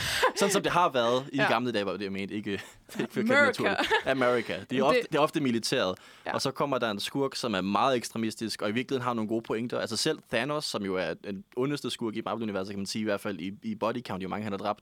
Men hans, hans morale er jo, at vi skal passe på miljøet. Det er jo ikke en, en dårlig morale. Mm. Det er kun hans midler, der er ekstremistiske. Også, øh, hvad hedder det, i Black Panther, det der med, altså okay, men måske skulle man også implementere nogle af de her værdier fra Wakanda til øh, afroamerikanske, du ved, steder i Amerika, og sådan prøve at få balanceret det her. Og han har nogle gode pointer, men samtidig så er han også meget ekstremistisk. Han tror folk på livet, og han mm. er lidt for voldelig. Og så kommer der så den her held, som er repræsentant for institutionen, og siger, at vi kan implementere noget af det. Det, det er Ja. lidt mere moderat, det er lidt mere centreret. Altså, det, er ikke, det skal ikke være for ekstremistisk. Ja. Så, så det, det, det, det er lidt, hvor den ikke rigtig får udført skurkenes motiver helt godt, fordi de ofte har ret, men er for voldelige. Det er det, jeg tror, synes det er det, der, der, der gør, at meget få af MCU's skurke måske virker som mennesker, eller måske virker som, som helstøbte karakterer, fordi der altid skal være det her med, at, at institutionen er jo altid bedre, ikke? Ja. Øh, og de, det, de, og de går lidt for langt, men vi kan godt lige sådan justere det, ikke? Altså, det er ikke, fordi jeg sidder og siger, at Kilgrave han har ret i noget, det har han overhovedet Nej. ikke. Altså, jeg hader Kilgrave. Men det er en helt anden dynamik der, ja. Det, det er en dynamik, der ligesom, altså, der, der gør, de har mere agenda, og de har mere hvad hedder det, motivation, og, og de netop også tør vise, du ved, de tør vise, at Punisher, han går og skyder alle de her mennesker på, et, på hospital. Det vil vi jo ikke se i, i MCU, vel? Nej. Og det gør jo også, at, at vi, vi ligesom ser, hvor meget mere der er på spil i virkeligheden. Øh, og det er, jo, det er jo det, jeg synes, der, der gør Netflix Marvel så meget mere øh, interessante, fordi de også ikke, ikke gider at, øh, at opstille superhelte som det her glansbillede, at, at de er bare det gode, og alt andet det er det dårlige. At der også er nuancer imellem det. Ja, det, det er ikke Netflix Defenders, de repræsenterer ikke militæret, de Mm. repræsenterer the underdog, så det er Præcis. ikke sådan noget med, at de sådan lige kan lade en enkelt ærestreg fra, fra de ekstremister, og så stadig fortsætte med den samme tråd. De, de har faktisk en, en bedre moral. Præcis. Så vil jeg også bare lige sige, i forhold til de her Netflix Marvel-serier, at jeg er så bekymret for sådan miste personligheden, der er knyttet til de her karakterer. Øh, også når man ser sådan universet, der er bygget op omkring den. Fordi at Daredevil, det er jo sådan noget gritty uh, Hell's Kitchen uh, selvtekst noget, hvor Jessica Jones, det er jo en noir detektiv uh, Mhm. serie. Der skal man ikke længere end uh, intro creditsene for at høre, at det er sådan, der kunne lige så godt være skygger gennem lamellerne på hendes kontor. Altså så langt Ja. er vi henne. Mm. Mm. Og især i Luke Cage, hvor man sådan, den er så bundet op på kulturen omkring Harlem med øh, sådan sindssyg musik, også fordi den, den foregår i en øh, sådan nat jazzklub, hvor man så tænker, okay, men kan vi se de der gutter, de render rundt ude i rummet et sted? Altså sådan, øh, det, det, det ved jeg ikke helt. Altså sådan noget, der er så også bare filmteknisk. No, de, alle de her serier, de er så mørke. Altså det er gråt eller sort Ja. ja. hele tiden. Mm. Bare at se dem være ude og være belyst, som man belyser Spider-Man eller nogle af de andre karakterer i, du ved, altid med solen lige i øjnene og sådan. Det, det, det ved jeg bare ikke, om kan fungere lige så godt. Nej, altså jeg tror også, det her, du sagde med institutionen, det går jo altså direkte. Dem i institutionen, det er jo især i talsat i The Punisher, fordi det er jo direkte antimilitær. Altså der er det Frank Castle, der kæmper mod systemet. Ja. Så der tænker jeg også, hvordan vil de sætte den ind på Disney+. Plus? Hvordan vækker man den til at være? Øh, hvordan, hvordan gør man det? Øh, men det tænker jeg, at vi lige skal have en pause om, og så kan vi måske øh, finde ud af, hvad, hvad der er næste skridt inden for øh, Netflix Marvel.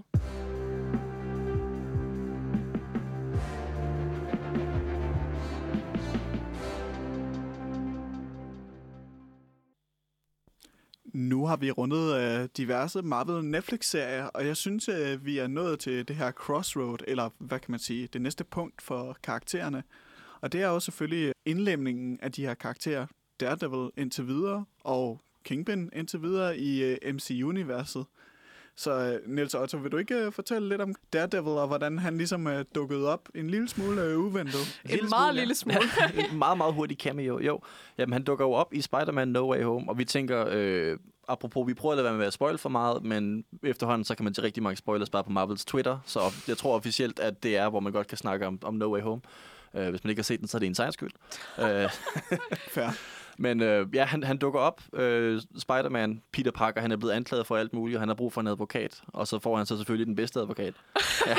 Han har brug for en advokat. Ja. Ja. Mm, hvem bringer vi måske? Ja, præcis. øhm, og, det, og det giver jo super meget mening at introducere ham nu, fordi der er også et She-Hulk-show på vej. She-Hulk, som jo er den kvindelige Hulk, som også er en advokat, så der kommer nok, også- nok også til at spille ind i. Øh, men han, han dukker lige hurtigt op, og han, altså basically off-screen, redder lige Peter Parker fra at blive sagsøgt. Bare lige meget hurtigt, og så får man lige set... Øh, ja, Ma- Matthew Murdock igen, øh, og får introduceret igen, at han har nogle, nogle kræfter, øh, men ikke, du ved, han bliver ikke rigtig brugt i filmen, på trods af, at Spider-Man og Daredevil jo faktisk ofte traditionelt har et eller andet venskab, hvor de, de bonder over at være røde superhelte i New York. Altså, jeg tror virkelig, Spider-Man No Way Home var virkelig den der film, hvor bare sådan, og den her person er med, og den her person er med, og nu er det blevet Multiverse of Madness, hvor der er endnu flere mennesker med, ikke? Ja. Der var allerede... Det er jeres egen skyld, hvis I ikke har set den. Der er både Tom Maguire og Andrew Garfield, Spider-Man og alle de her skurke og sådan noget. Igen, det er på Twitter. Ja. Så, Så, så det, ens det, blev, eget det blev en hurtig øh, Daredevil, der kom ind, som bare Matt Murdock. Øh, men som, altså, mega dejligt, det er stadig Charlie Cox, der spiller ham. Ja. By the way, fordi der er ikke nogen andre, der kan spille ham efterhånden. Han er så god. Der, var- der, var en lige, der var lige sådan en, øh, en, en kort frygt, som øh, sociale medier havde, at, at, øh, at han ville komme tilbage, og så ville de have taget Ben Affleck. men, men det, det Det ville havde også været sjovt, Ja. hvis Ben Affleck er færdig som Batman, men så vender tilbage som Daredevil Øh, fra 2003. Det skete heldigvis ikke. men ja, men det er jo egentlig bare, at han sidder og snakker med, med, med hvad hedder det, med Peter Parker og Aunt May og, øh, hvad hedder han, Happy.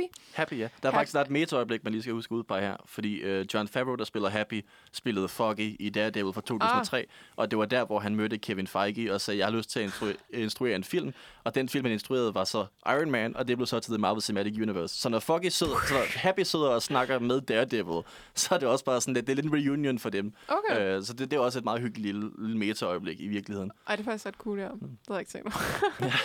men, øh, men det er jo egentlig bare, at han sidder og snakker med dem. Han siger, at han siger et eller andet med, hvordan han kan hvad hedder det, håndtere den her sag. Der er nogen, der kaster en mursten ind gennem vinduet. Han griber den, fordi han har jo flagermus i hørelse, eller whatever. Ja. Øh, og så sidder Peter Parker sådan, hvordan pokker gør du det? Men så fordi han er en rigtig god advokat, det er derfor. Rigtig god okay. og det var sådan det. Øh, men, men det var jo ligesom første skridt i, i MCU-fiseringen af, af, af Netflix Defenders, eller Netflix Marvel, som, som jeg ville definere det. Øh, og så kom jeg dog så efter, i, i december, så kom der jo øh, Hawkeye-serien, som blev altså decideret lanceret som et jule, en jule-tv-serie.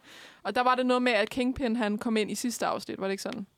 Øh, jo, altså, der, der går nogle, nogle små rygter omkring, at det er en shadowy figure øh, op til næst sidste afsnit, hvor man så finder ud af, at uh, der er noget, der er et billede af Kingpin her, og han så medvirker i, i sidste afsnit. I en øh, noget anden, øh, hvad kan man sige, udstråling, kunne jeg til at kalde det, end, end hvad vi har set i Marvel-serierne. Det er stadig Vincent D'Onofrio. Det er den samme skuespiller. Ja, og det, så tror jeg, at vi stopper. Øh, øh, så tror jeg også, det stopper Han der. har ikke, han har ikke fin jakkesæt på mere, eller? Mm. Han har et jakkesæt på, men altså i forhold til, at han bruger hele første sæson af Daredevil på at snakke omkring, oh, det her, det er min cufflinks, og sådan, jeg tror på det der med, at man skal gå fint klædt med slips og jakkesæt, og en omel- min omelet skal være pek- øh, perfekt med øh, rette mængde purløg på og sådan noget. Og så dukker han op i en fedora og en Hawaii-skjorte og sådan en H&M-jakkesæt. Altså sådan, øh, det, det, det virkede bare ikke troværdigt. Kingpin on vacation. Kingpin on Det, det er et på vacation, tegneserien. oh Men, men en ting, de også lige ændrer lidt, altså han er jo en, en, en brutal modstander i slåskampe i, i Daredevil tv-serien, men jeg føler lidt, de opgraderer ham også i, i Hawkeye, hvor at, øh, igen, bare for at spoil det hele, det, det er på ansvar, hvis man har, ikke har set det. Øh, han, han bliver skudt med en burpil og er fuldkommen ligeglad, han bliver kørt ned med en bil og er fuldkommen ligeglad, og han står midt i en eksplosion og er fuldkommen ligeglad. Og han virker også umiddelbart som om, at han fysisk er klar til at kæmpe mod Spider-Man, som jo trods alt er overnaturligt stærk. Så jeg tror måske, de lige har buffet ham op, så han også muligvis kan blive en, en, en Spider-Man-skurk i fremtiden. Så vidt jeg husker, så jeg ved ikke, om I kan huske, der er i, uh, i et filmen 300 sådan på et tidspunkt, hvor at, uh, de der spartanere skjolde, de er bare sådan helt uh, gennemboret af tonsvis af pile. Og så tager de lige skjoldet op med spydet, og så knækker de alle pilene af, ikke også? Det gør han med sin brystkasse. Ja. Han fik i brystkassen og knækker den bare af. Bare knækker alle sådan fire pile ud af brystkassen. Bare Wow. sådan, nah, tis but a scratch. fuldkommen ligeglad. Det, det, det, det er det, der sker, når man ikke ser Vanessa i så lang tid. Altså, så bliver man nødt til at være sådan lidt hård, ikke? Øhm, men det er jo egentlig interessant, at, øh, at, at, de, at de startede egentlig med, med Daredevil og, og Kingpin, som også var, de, var introduktionen til Netflix Marvel-universet, hvilket man kan kalde det sit eget univers på en eller anden måde, men det kan man jo egentlig godt. Øhm, og så er det så nu, hvordan, hvordan de kommer til at blive integreret i MCU, fordi det hele er canon nu, eller Ja. er det? Ja, det, det, de, de, der bliver snakket meget om det, men ikke rigtig officielt. Altså, det bliver trukket, øh, alle Netflix-serierne bliver trukket fra Netflix øh, og rykket over til formentlig øh, Disney Plus i Danmark. Øh, det er en ting, som lige var i introspeaking, men at det er i hvert fald i Canada, så kommer den til Disney Plus, og i Amerika kommer den til Hulu, så vi regner med, at den også kommer til Disney Plus i Danmark. Øh, og det er jo så igen, at de så skal introducere de her helte ind til MCU, og er det fuldkommen canon? Er det, er det et halvt canon? Jeg tror, Vincent D'Onofrio selv har været ude og sige, at han spiller den samme karakter. Mm. Øh, men der kommer nok også til at være nogle ting. Bortset fra det Hawaii-skjorte. Men, men der kommer nok også til at være nogle ting, der, som ændrer sig. Altså helt klart tonemæssigt, så kommer det jo til at være. Så jeg tror, det bliver sådan en, et, et soft reboot-agtigt ting, hvor de ikke nødvendigvis kommer til at sige, at, at tv-serien ikke skete, men de kommer måske ikke til at referere til den hver gang. Nej, men det virkede også bare sådan lidt fjollet, fordi jeg, jeg ved, det er Marvel TV, der har produceret de der, øh, og det er ikke MCU, der har produceret de her øh, Marvel Netflix-serier. Men altså, øh, det her øh, punkt, for, øh, som Daredevil stammer fra, det er fordi, at han skal redde Hell's Kitchen. Så øh, ideen bag det var, at Hell's Kitchen i dag, i forhold til 80'erne og 90'erne, når Daredevil blev skrevet originalt, så er Hell's Kitchen et ret pænt kvarter i dag. Men i Marvel-universet blev det ødelagt under øh, den her Battle of New York med Avengersne. Så lige pludselig er det et lortekvarter igen igen. Og det er derfor, han kan rende rundt og klatre på skraldespanden og smadre kriminelle folk. Men det er sådan set den eneste reference, vi har til MCU, så vidt jeg kan huske på tværs af alle de her serier. Der er, de snakker om Avengers som The Incident flere gange i løbet af, men det er jo ofte sådan, altså så siger de The Green Guy, når de snakker om Hulk. De siger aldrig Hulk. Og øh, ja, det tror jeg lige bliver refereret til Iron Man og sådan noget, men det er meget løst. Men har der ikke været, var der ikke også en scene i Jessica Jones, hvor hun gik forbi en eller anden bod med nogle t-shirts med noget Marvel på, eller et eller andet Jo, stil? Ja, noget den stil. Det- Sådan nogle det- små, små bitte ting, som man, ikke, øh, man, man kun lægger mærke til, hvis man virkelig, virkelig giver altså, opmærksom på det. Jeg tror også bare, jeg er bange for i virkeligheden, som så stor fan af, af Netflix Marvel, som jeg egentlig synes på mange måder, at at jeg er jo større fan af end jeg er af MCU i hele taget. Samme her, ja. Øhm, og det er, jo, det er jo der, hvor det ligesom igen kommer den der frygt der for MCU-fisering. Altså, hvordan, hvordan, altså kommer de til at integrere flere? De kommer til at integrere Daredevil i hvert fald i She-Hulk højst sandsynligt. Jessica Jones, hun er også advokat. Kommer hun også ind i She-Hulk? Hvad, hvad sker der, og hvordan, hvordan er det ligesom, at, at de skal blive mere Disney-venlige, altså mere, øhm, ja, mere børnevenlige de steder, fordi det er de jo ikke. Altså sådan, Nej. det er også, hvis, hvis, hvis Punisher skulle komme tilbage. altså, det, det, det er jo totalt stort set urealistisk i forhold til, hvis han skal være på Disney. ikke? Og så lige pludselig, så er han med staten. Altså, det, Ja. det giver jo ikke nogen mening. Det er jo et, direkte i, i brud med, hvem hans karakter er. Hvordan gør man Punisher uden blod, ja? Jamen, Altså, det er det. Nå, men, øh, der har jeg måske lige en, øh, en, en hage, skulle jeg til at kalde det, en, øh, en oplagt mulighed her, ikke også?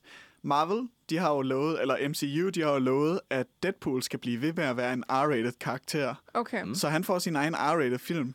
Mm-hmm. Så øh, hvis vi ser en... Øh, hvis øh, vi ser en, øh, en Deadpool-film eller to, og så i træerne, så dukker øh, Punisher bare op. Det og så er det faktisk bare ret sådan, fedt. Det kunne være meget sjovt. De det- Daredevil, nej, ikke Daredevil. Puncher og, og Deadpool, det kunne være ret nice, Ja.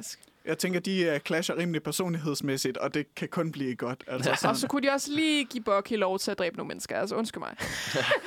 det sagde jeg også i pausen, men jeg synes godt lige, de kunne give ham lov. Ja, for det gør han i Øh, tegneserien, ja. Det gør de i tegneserien, det gør de ikke her, fordi nu skal han... Ja, han skal bare have... Han, bare, han har bare en kniv eller to, og så er det det. Men det, ja, det er lidt sådan... Han er jo heller ikke The Winter Soldier mere, men det er sådan noget andet. Øh, men jo, jeg tror bare, det er sådan, hvordan den her integration, jeg tror bare egentlig, hvor, hvor, jeg tror bare egentlig, jeg tænker sådan, hvor meget der egentlig kan gå galt i forhold til at integrere de her karakterer. Ja, og jeg, jeg tror også, det er noget, som Disney selv bikser med, altså hvor langt de vil gå med det og sådan noget. De er jo, de er jo på vej med The Moon Knight, øh, som er godt, jeg er ikke en karakter, jeg kender særlig godt, men en mere dyster og mere voldelig karakter Ja. øh, i tegneserierne. Og når man ser trailerne til den, så virker det også som om, at den er fixeret lidt mere på at være gyseragtig og være lidt mere dyster og sådan noget. Ja. Øh, hvorvidt der kommer til at være blod med, er jo en anden ting, men, men det kunne jo helt klart være sådan en ting, hvor de lige tester, kan man gøre det her på Disney+, Plus? Kan man lave en serie? Altså, det ligner ikke som om, at den virkelig forbinder sig til resten af, altså, franchise. Der er ikke noget, der er Iron Man dukker ikke op i, i traileren. Altså, det, er sådan, det er meget sådan, det her det er sådan en separat historie. Hvis det ikke går godt, så kan man godt bare glemme ja. den. Øh, men samtidig, så hvis det går godt, så kan man sige, okay, måske kunne man godt lave mere Punisher. Altså, jeg havde jo faktisk hørt et rygte, som gjorde mig meget glad. Øh, fordi jeg er stor fan af den her karakter, som er altså blevet totalt underbrugt i MCU, by the way. Men jeg har jo hørt et rygte om, at Sharon Carter måske skulle komme tilbage Ah, i okay, Moon Knight. ja. Så det er jeg jo spændt på. nu har de jo Ja. så også gjort hende til en skurk, som hun ikke er det i tegneserien, altså noget helt andet. Men, øh, men ja, jeg tror, det er en meget sådan en... en en, øh, en jeg, ved- jeg, jeg, måske ikke en palette cleanser, var ikke det, jeg skulle sige, men, men en, et, et, et- der, der er det ligesom deres allers første forsøg på at tage chancer, ligesom Netflix Defenders gør, for det har de jo ikke rigtig gjort indtil videre overhovedet. Øh, det, altså i de, Falcon and the Winter Soldier, der rørte de lige på noget racepolitik og noget, øh, og, og også med, med, hvad hedder det, effekten af, at, at til Snap og alle de her mennesker kom tilbage og sådan noget. Ja. Men så var det også det. Altså, det, sådan, de gik ikke længere det.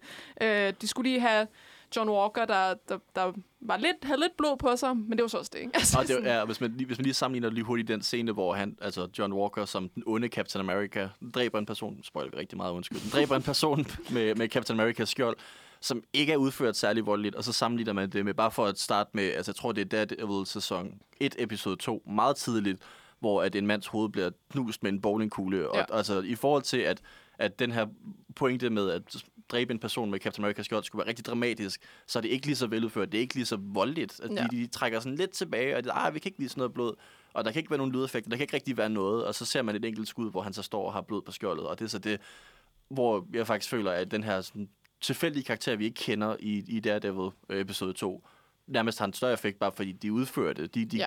fuldstændig, de hopper ikke fra det.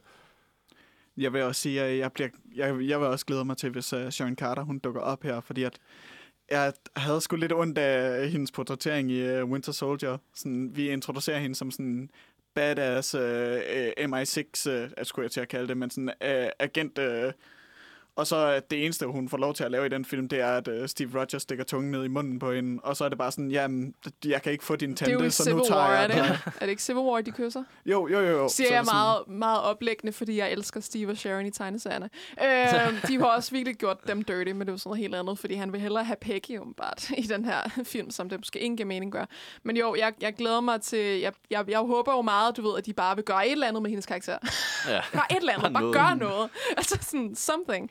Øhm, sådan den der ark at være sådan, ah, jeg jeg kunne ikke få din tante, så nu får jeg dig, er måske ikke sådan super fedt at spille. Nej, heller. det er ikke Øh. superhelteagtigt. Det er sådan, Jamen, det er altså, det, det, det, det hvor jeg sådan, jeg, jeg tror, de, ja, jeg tror, de tager, prøver nogle forsøg her, men jeg ved bare ikke, om, om det ligesom øh, kommer til at slå i mål, eller hvad man siger. Altså, det er også det der med, øh, men jeg tror bare, at, at, at øh, som, du, som vi sagde tidligere med, at de her defenders, er de nogle underdogs, jeg tror, at det, det gør det bare meget mere sådan, eller, måske ikke direkte relaterbart, men jo, relaterbart på sin vis, at, at de er de her gade superhelte. De er bare, de er bare nede i Hell's Kitchen, og så er det det. Altså sådan, det er ikke noget intergalaktisk, øh, vi skal redde verden, for halvdelen af jorden forsvinder nu. Altså sådan, det, det er jordnært, og det, det er noget, man kan forholde sig til, selvom du ved, selvfølgelig, det er ikke hver dag, jeg ser en eller anden mand gå ind og dræbe alle mulige folk i et fængsel, heldigvis. Øhm, men men det, det, det er meget mere jordnært, og det er sådan håndgribeligt for os. Og jeg tror, at, at det der med, at også det gør, at de, at de, er, sam, altså, de er nogen, der er næsten alle sammen på bunden af samfundet. Ja. Altså, og, og så de især skal op mod systemet og mod de her øh, større kræfter, som, som vi nærmest ikke kan forestille sig, at, at de kan- kan slås, men at især Daredevil gør sit for at, øhm, for at, at, at gå imod alle sine odds og ligesom øhm, ja, kæmpe mod, mod dem, der undertrykker ham, men også mod ham selv i virkeligheden. Ja. Øh, langt del af tiden. Øhm, og det, det, jeg tror bare, det, for mig gør det det bare meget mere interessant at se dem på sådan et, et gade-level, end Undskyld, Guardians of the Galaxy, I'm sorry.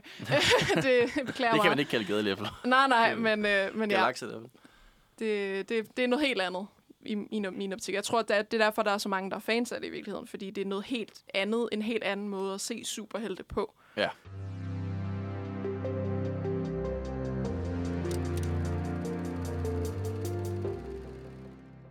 Hvis øh, vi nu mister øh, karaktererne øh, til, til MCU'et her, så tænkte jeg, øh, altså jeg kunne selv komme med et eksempel på, men altså sådan, er der andre superhelte-tv-serier, man kunne se, se hen til? Fordi at sådan noget som The Boys, det for, for, forholder jeg også så stadig forholdsvis voldeligt i hvert fald. Jeg elsker The Boys. Ja, The Boys er Fantastisk. Øhm, The Umbrella Academy er ret god på Netflix mm. også. Wow, sjovt. Peacemaker. Øh, Peacemaker er godt på HBO Peacemaker, Max. ja, Der det, den kom efter det der, den nye Suicide Squad, ikke? Efter The Suicide Squad, hvor den så tog den mest kedelige karakter i filmen og lavede ham spændende.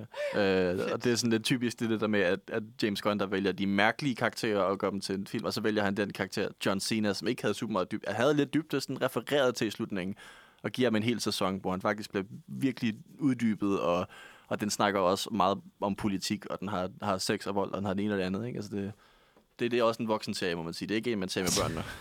Nej, det må jeg da håbe, er man ikke gør. ikke, ikke Disney-rated i hvert fald. Nej, så kan man jo bare se, så kan man jo bare se Daredevil på Disney i stedet. Altså, Så der er der, når den kommer på Disney+. Plus. Jeg kan godt lide lidt bange for, at de censurerer det. At de lige tager noget af volden ud. Og Ja. måske også nogle af af bandeordene og, og de mere voksne temaer. Men øh, vi må håbe, at, at det, det overlever, som det skal. så er det bare Punisher, hvor de bare cutter. det er inden han gør noget som helst. Lige pludselig er der kun to episoder af Punisher, og de kan ikke rigtig bruge noget af det. Gud, ja. og sådan, Men, øh, jeg troede, det var en voldelig serie. De snakker kun i den her. de snakker bare, hvad sker der? Øhm, jeg ved ikke, altså det er nok en af de, de andre superhelte ting, som, eller superhelte øh, serier, jeg kender, der ligesom også øh, beskæftiger sig med den kritik af superhelte, og, og det, den her hvad hedder, grænse mellem øh, superhelt og superskurk i virkeligheden. Øh, for ellers alt andet superhelte, jeg kender, det er jo så X-Men og sådan noget, det er jo alt sammen Marvel også. Øh, men jo, Umbrella Academy og The Boys og Peacemaker er nok sådan det, de ting, hvor man, hvor man kan pege hen. At de minder lidt om ikke, ikke, jeg ikke, jeg, jeg, der, hvad hedder det, Umbrella Academy er ikke så voldeligt som Punisher overhovedet. men men det, der er det jo også noget med familiedynamik og alt muligt pis. Så det, det, det er meget især det der med, med at, øh, at stå imod, øh, eller igen moralen, og hvordan det, hvordan det, det ligesom er, at man er superheld, og hvordan man skal forholde sig til, at man har den her rolle på sine skuldre. Øh, så det, det synes jeg også er fedt. Det er jo et ekstra interessant, synes jeg, nu hvor vi har nævnt uh, Killgrave, mm. i forhold til det der med at få folk til at gøre ting ved bare ved tankens kraft. Fordi sådan en karakter er der jo også i Umbrella Academy. Ja. Det er bare vendt på, på hovedet, kan man sige. Altså Allison? Ja, for det meste, for det meste, for det meste jo. altså sådan, hun er jo ikke lige så rendyrket ond, Ej, som nej, uh, overhovedet Killgrave er. Hun er jo, altså hun siger bare det der, I heard a rumor, og så gør folk, som hun, som hun siger. Jeg tror også, hun er mere sådan amoralsk i tegneserierne, så vidt jeg har hørt, fordi hun bruger det på sin mand og sit barn og sådan noget. Øh, men jo, men der er helt klart også noget det her med, med grænsen mellem. Og der er jo faktisk også en karakter, jeg synes minder om, om Bucky, øh, The Winter Soldier med Diego. Øh, men det er også en helt anden snak. Men, øh, men jo, hvad, hvad, hvad, hvad tænker I, at man kan konkludere? Altså, er der mere at, at uh, runde af på det her, tænker jeg? Jeg vil bare sige, at sådan, hvis, hvis man tager... Nu fik han jo næsten ikke noget skærmtid, ham Daredevil i Spider-Man-filmen. Men med udgangspunkt i Vincent D'Onofrio, så er jeg altså ikke, øh, jeg er ikke ligefrem ser frem til den her MCU-ficering. Ej, man kan også godt høre, at jeg er ret bange for det, ikke? Altså, Ja. det er MCU-ficering, ikke? Det, det er Ja, mit ja. nemesis. Jeg har, jeg har et billede i mit hoved af den næste Spider-Man nu, og slutningen af Spider-Man No Way Home, hvor han sådan lidt ender med at være, øh, du ved, han skal håndtere sin, øh, sit liv lidt, han er, lidt, han er fattigere, end han plejer at være. Øhm, og at hvis den næste Spider-Man-film omhandler Spider-Man og Daredevil, der går op mod Kingpin sammen, så bliver det lavet.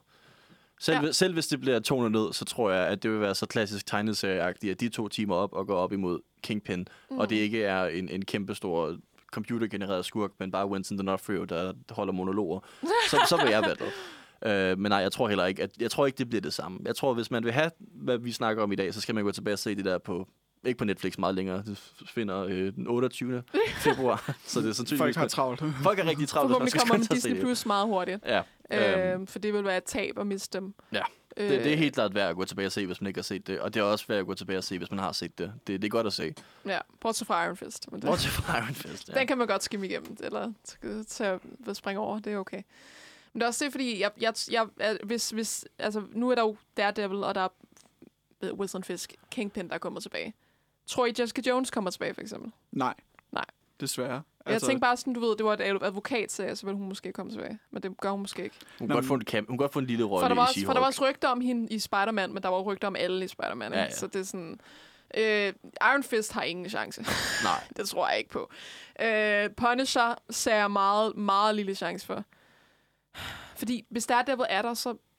Jamen, jeg ved ikke... Nej, det, det er bare svært, fordi igen, han er jo nok den mest voldelige, der er, ikke? Ja. Så hvordan, hvordan vil man takle ham? Men da han skulle, hvad hedder det, ligesom Kingpin, så går han i Hawaii-skjort, oh, og så er det hele bare godt. Oh, nej. Øhm, Sådan Punisher er kun med, men han sidder i fængsel. Uh, ja, det var lidt Nej, ærgerligt. han er, han er på en bar i Mexico sammen med øh, Eddie Brock.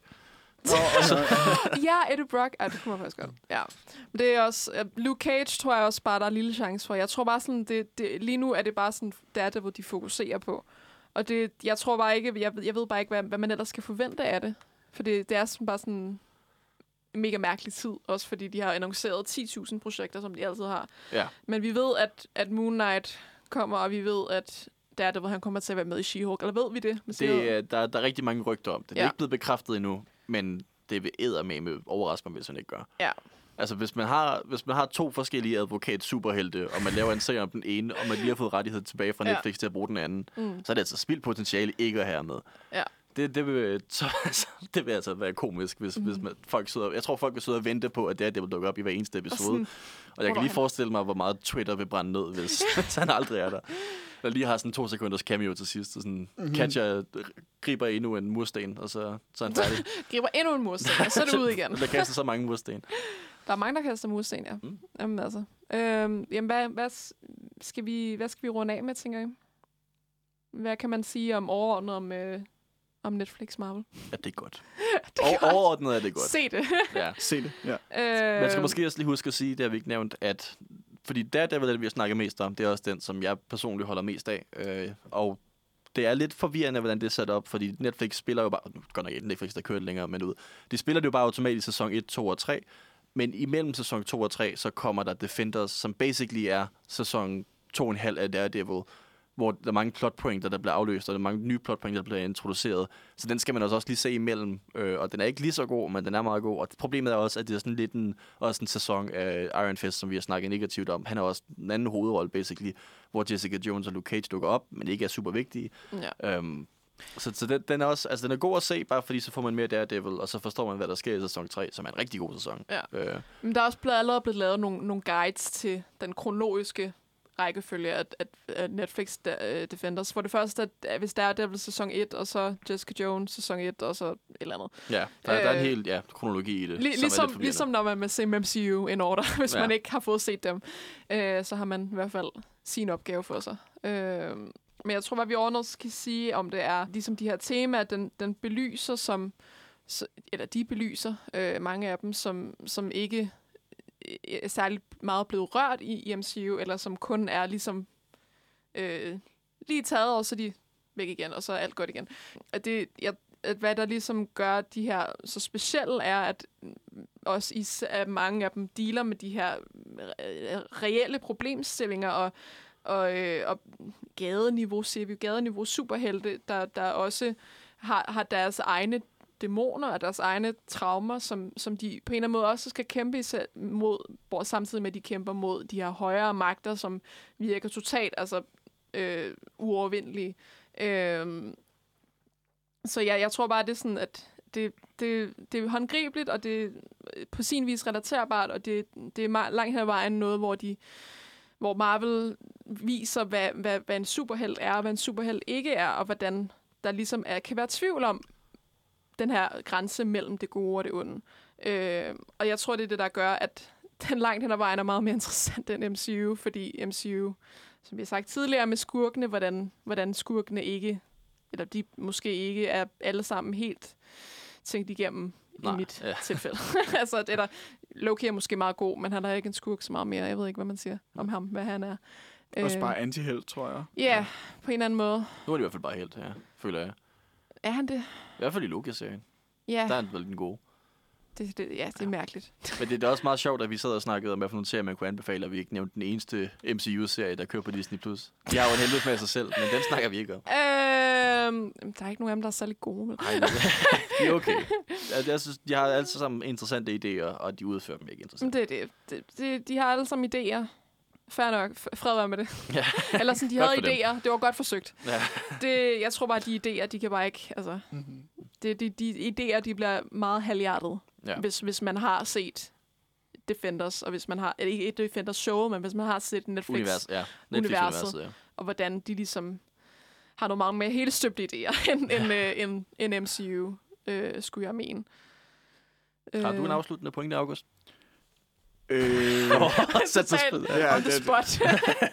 jeg, jeg, jeg vil bare sige, at jeg er enig med, at der er, sådan, der er rigtig gode originale idéer i både Loki og WandaVision, og altså sådan, jeg synes også, Hawkeye er udmærket, men igen, det bliver sådan nogle lodne, halvkedelige øh, afslutninger på dem alle sammen. Øh, Jeg tror også, MCU-shows, de har sådan et problem med, at der er fem afsnit, hvor der bare sker ingenting, og så er der sjette afsnit, hvor der bare sker alt på samme tid. Ja. altså sådan, der er kun seks afsnit i en serie. Og Ja. sådan, hvor, hvor, meget har, hvor meget har du tænkt dig at gøre med det? Du kan ikke mm. gøre noget. Og de introducerer først skurken i slutningen af Ja. det sidste afsnit, og så dør den skurken ofte ja. I sidste afsnit. Og Ja, det er også bare altså. sådan lidt, ja. men det er jo sådan, det er jo fordi, at MCU, de er jo sådan, de har jo så travlt med at sætte slutningen på fase 4 op. Altså Ja. sådan, de ved jo ikke, hvad de skal gøre med det her andet end sådan, okay, men vi er nødt til at give dem et eller andet, de kan se. Øh, sådan, er nødt til at give dem et eller andet. Øh, ja, det er også, du ved, hvad hedder det, kvantitet over kvalitet. Ja. Wow. Fed afslutning. øh, jamen, skal vi sige, at det var egentlig det, vi ville runde af, måske? Ja, Jeg tror, jeg tror moralen, er, moralen i dag er, at vi, I skal se Netflix Defenders, eller Netflix Marvel, hvis I ikke har set det i forvejen. musen ødelægger alting. Ja, Mus. husk noget det hele. God damn you. uh, hvis, du, hvis du heller ikke kan lide musen, så, så, så skal du nok se... Uh, ja, nu, nu er der så ikke... Der har været et par dage tilbage, til du kan se... Øh, Og hvis man lytter Se til det på podcast, Netflix. så, så er det allerede færdigt. så er det allerede færdigt. Øhm, så lad os håbe, den kommer ud på Disney Plus øh, snart for vores alles vedkommende. Men moralen er, at, øh, at vi, har, vi, vi synes, at Netflix Marvel er mega fedt. Og vi har forhåbentlig øh, rundet så mange interessante emner og, og promoveret det godt nok til, at dem, der ikke har set det, også gerne vil se det, efter I har lyttet til det her podcast. Øhm, så det håber vi jo med, at vores mission er fuldendt. Øh, så jeg vil gerne sige tak for, øh, for, i de, for dag. Jeg vil tænke, jeg vil gerne sige tak, fordi I lyttede med. Jeg vil gerne sige tak til jer, fordi I var med i studiet med mig. Det var Selv hyggeligt. Øh, I kan lytte til vores andre podcast på Spotify, eller hvor end I lytter til podcast. Eller det her igen, det- skal jeg ikke komme efter jer med.